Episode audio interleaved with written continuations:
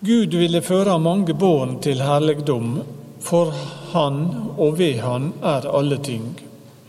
Da måtte han la opphavsmannen til frelsa nå fullendinga gjennom lidinga. Han som helger og de som blir helga, kjem alle fra den ene. Derfor skjemmes ikke sånn ved å kalles de søsken. Han sier, jeg vil forkynne ditt navn for mine brød, midt i forsamlingen vil jeg lovprise deg. Og likeens, jeg vil sette min lit til Han, og videre, sjå jeg og barna som Gud har gjeve meg.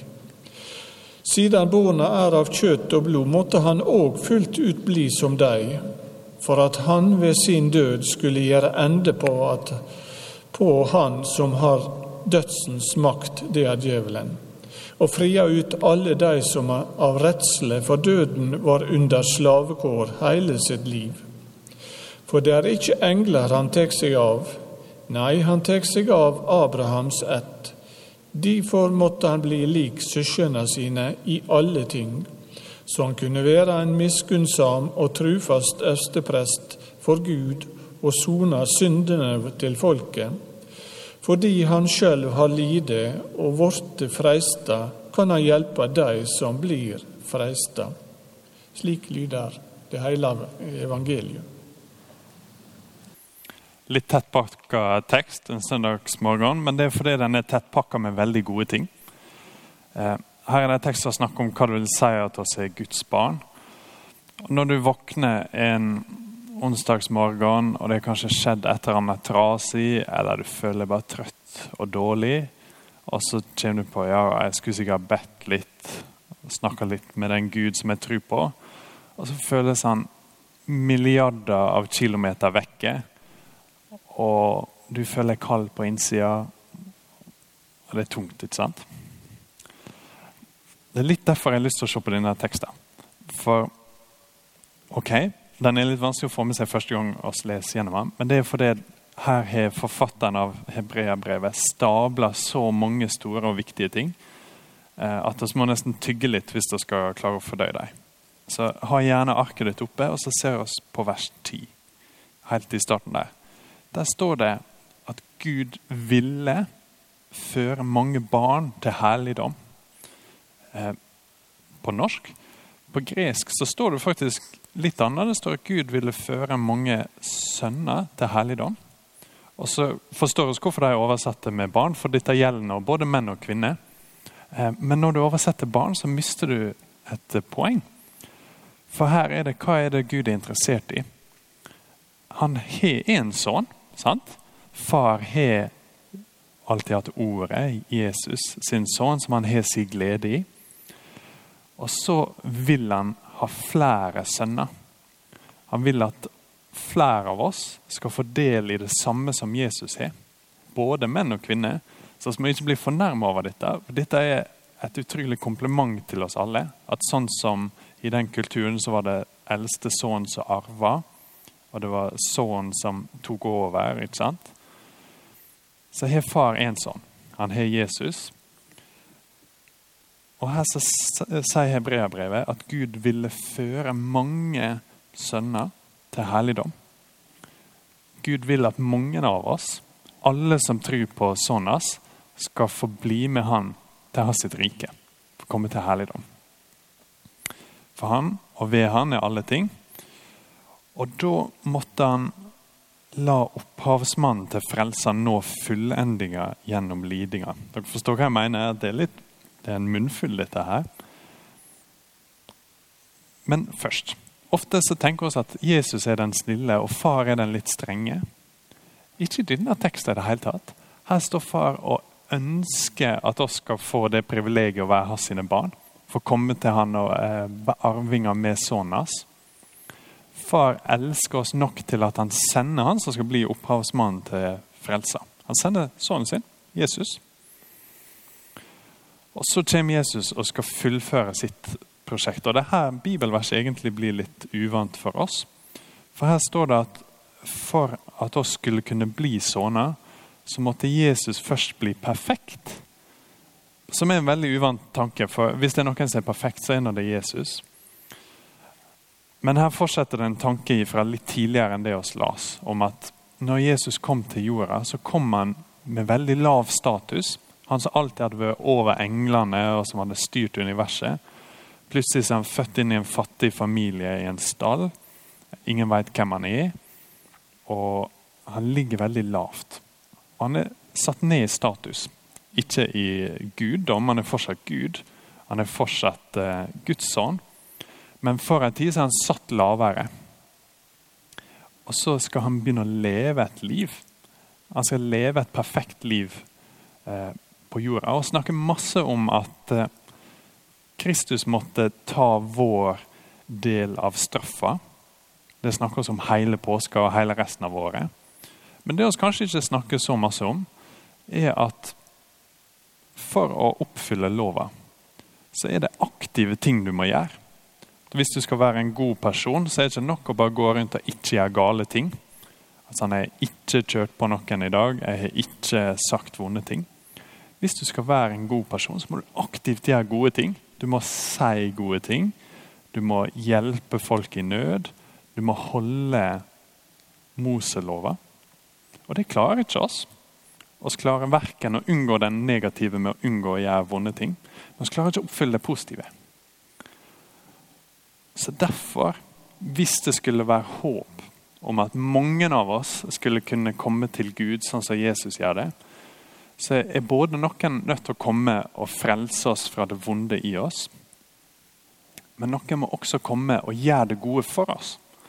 Noen må komme og holde hele lova og kunne si Vis meg et bud, så kan jeg si at dette er gjort. Jeg har gjort akkurat det jeg skulle.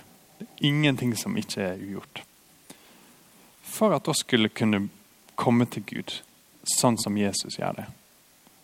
Så måtte Jesus bli perfekt. Han måtte leve et perfekt liv. Sånn at han som skulle dø på korset for våre synder, måtte allerede ha levd det livet vi egentlig skulle ha levd. Ok, Jeg håper ikke dette var for tungt, for her kommer poenget. Nå går bibelteksten litt videre, i vers 11 og sier derfor skjemmes ikke sønnen med å kalle dem søsken. Og nå har han på en måte lasta ned masse informasjon til oss. at ok, Fikk dere med dere alt dette? Her er det et stort privilegium som er på vei til deg. Jesus måtte gjøre noe stort. Han måtte leve et perfekt liv. Hva har det med oss å gjøre? Så kjører Bibelen et lite bibelstudie. Så vi får to sitat. Først så får vi eh, høre noe fra Salme 23. Det er den som begynner med 'Min Gud, min Gud, hvorfor har du forlatt meg?' Vers 23 der så står det noe som Jesus på en måte sier til oss, på samme måte som han sier i vers 1. Så sier han også vers 23 at 'jeg vil forkynne ditt navn for mine brødre'. Midt i forsamlinga vil jeg prise deg. Og Det som eh, forfatteren har lyst til at vi skal se her, er at her står Jesus og kaller oss brødre. At her er han som har levd dette perfekte livet han som er fra evighet og til evighet, som er universets hersker og konge. Og så begynner han å identifisere seg med oss. Så han sier, 'Jeg vil forkynne ditt navn', snakke om sin far, 'for mine brødre'. Det er ikke sånn at han bare vil si det til en eller annen hedning der borte, eller noen som ikke vet helt hvem er, at ja, du skulle bare visst hvem Gud er. Det er ikke sånn. Han vil stå midt i forsamlinga og lovprise deg. Han har lyst til å komme midt imellom oss og i lag med oss prise Far. Når han skal fortelle oss hvem Gud er og dele hans sitt navn, så snakker han til oss som brødre. At, Bror, har du tenkt på hvem Gud er? Har du sett hans herlighet? Ikke det? Ok, la meg vise deg. Så Det er en utrolig mildhet i Kristus som vi kjenner fra før. Men vi skal se han her i at han kaller oss brødre. Så fortsetter jeg med annen bibelstudie. I vers 13 der så siterer de fra Jesaja kapittel 8. Jeg vil sette min lit til Han, sier på en måte Jesus. da. Se, jeg har båna som Gud har gitt meg. Så Her legger Hebreabrevet eh, noen vers fra Jesaja i munnen på Jesus og sier at Kristus vil sette sin lit til far. Sånn er det alltid vært for han. At selv om han ikke trenger hjelp, så gjør han seg avhengig av faren sin. De to er så tett knytt at Jesus setter sin lit til han. Og så sier han ja, se jeg og barna mine som Gud har gitt meg. Det går an å se dette i andre tekster også. At Det er nesten som om Jesus kommer til oss og sier å ja, du med må sette din lit til Gud. Ja, jeg er med. Da er vi i samme båt. Og så sitter jeg og tenker hva, hva i alle dager er oss i samme båt? Han som har levd perfekt, han som alltid har vært Guds sønn, han som fortjener all herlighet. Å ja, ja, jeg er Guds barn, og du med er Guds barn. Da er nå samme oss. Altså ikke samme i det hele tatt. Jeg tenkte på to illustrasjoner. Jeg tenkte å si jeg allerede har snakket om eh, noe som kanskje menn liker med at vi er sønner så vet jeg at noen av dere er veldig glad i eh, ei dame som strikker. Som heter Petit Nitt, kaller hun seg. Kona mi snakker om henne hele tida. Og så vidt jeg har forstått, så er hun hun er ikke flink å strikke. Hun er skikkelig god. Hun er liksom topp. Så sier jeg at hun kom til meg og sa å ja, Simen, jeg har funnet noe som du strikker på ungdomsskolen i tekstiltimen. Og det er litt vanskelig å se hva det er å si, men også strikkere, både jeg og du. Hun er kanskje på nivå 1000, og jeg er på nivå 0. ikke sant? Men hvis hun hadde kommet og på en måte identifisert meg som strikker, selv om jeg har ingenting der å gjøre, så er det litt spesielt. Eller neste helg så er det Formel 1. Han som er best der, heter Louis Hamilton ikke sant? fra England. Og Hvis han hadde kommet til meg og sagt du med kjører bil, jeg så at du kjørte fra Haugset ned til Kiwi. Og så er sjåfører begge to. Liksom, han er sjåfør på nivå 1000, ikke sant? Og jeg, det er så vidt jeg klarer å kjøre til Kiwi. Men oss er ikke på samme nivå i det hele tatt. Og Det er noe lignende som skjer her, bare enda større. At her kommer Guds sønn, og så identifiserer han seg med oss. Og han går veldig dypt inn i dette. Dette er ikke bare noe Kristus sier, dette er noe han gjør også. For Se i vers 14. Siden barna, oss, er av kjøtt og blod, måtte han òg fullt ut bli som deg, for at han med sin død skulle gjøre ende på han som er dødens makt. Det er djevelen. Hvis oss skulle kunne bli Guds ånd, bli nær Gud. Ha et forhold til Gud som ikke bare er kjekt og nært, men ha det forholdet til far som Jesus har. Fordel i det, være i Kristus. Så var sønnen nødt til å ikke bare ikke ha søskensjalusi. Han måtte identifisere seg med oss. Til det punktet at han måtte bli et menneske, ta på seg kjøtt og blod, leve det perfekte livet for oss. Så komme bort til oss og si Oi, oss er i samme båt, jeg og du. Dette er helt utrolig. Her står det at han som er så god og så stor, han identifiserer seg med oss. Han kommer til oss og sier ikke jeg begynner å bli litt skuffa med deg over alle disse syndene. Det begynner å gå noen år nå, og kanskje snart bli ferdig med det. Han kommer til oss og så sier han, 'Mine brødre'. Skal ikke oss gå og prise vår far i lag? Skal ikke dere be til vår far, min far og dere far, min Gud og dere Gud? Han kommer til oss med full identifisering. Til og med til det punktet at han legger ned sitt eget liv.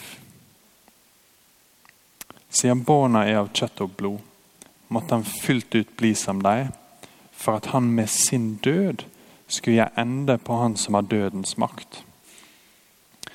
Han identifiserer seg til og med med oss til det punktet at han ser at oss er i ferd med å gå i døden for vår egen synd og for Adams synd.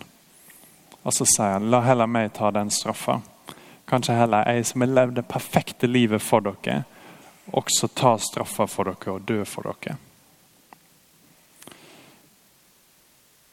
Så sitter vi igjen på en onsdag morgen. ikke sant? Så er det fine været sikkert vekk. Så er det tåke på utsida tåke på innsida. Og så sier vi sånn Gud, elsker du meg egentlig? Hvordan er dette igjen? Hva sier far til oss? Han sier 'min sønn'. Han sier sånn som han sier til Jesus, til Kristus. Når Jesus er på jorda, så kommer det en stemme fra himmelen og sier 'Her er min sønn. I Han har min glede'. Når Kristus har det forholdet til far og åpner døra for oss, at oss kan være i Kristus og ha det samme forholdet som han har til far hans pga. det han har gjort, så ser far på alle som tror på han, og sier 'Min sønn, i deg har jeg min glede'. Dette er ufattelig. Dette er et privilegium som ingen av oss kan fortjene, men som alle kan få med trua på Kristus. At far ser på oss og ser sønnen sin og kjenner han igjen og sier 'Min sønn, i deg har vi glede'. Da kan det være sol på innsida uansett hva som skjer. La oss be. Far, jeg ser at du ville føre mange barn til herligdom. Takk for at den veien er åpen for oss. At Kristus har levd det perfekte livet og dødd den perfekte døden. Sånn at du nå ser på oss med glede og med kjærlighet. Og Kristus ser på oss med søskenkjærlighet og sier 'mine brødre', 'mitt folk', 'min gjeng', 'mine søsken'. Takk, Gud. Amen.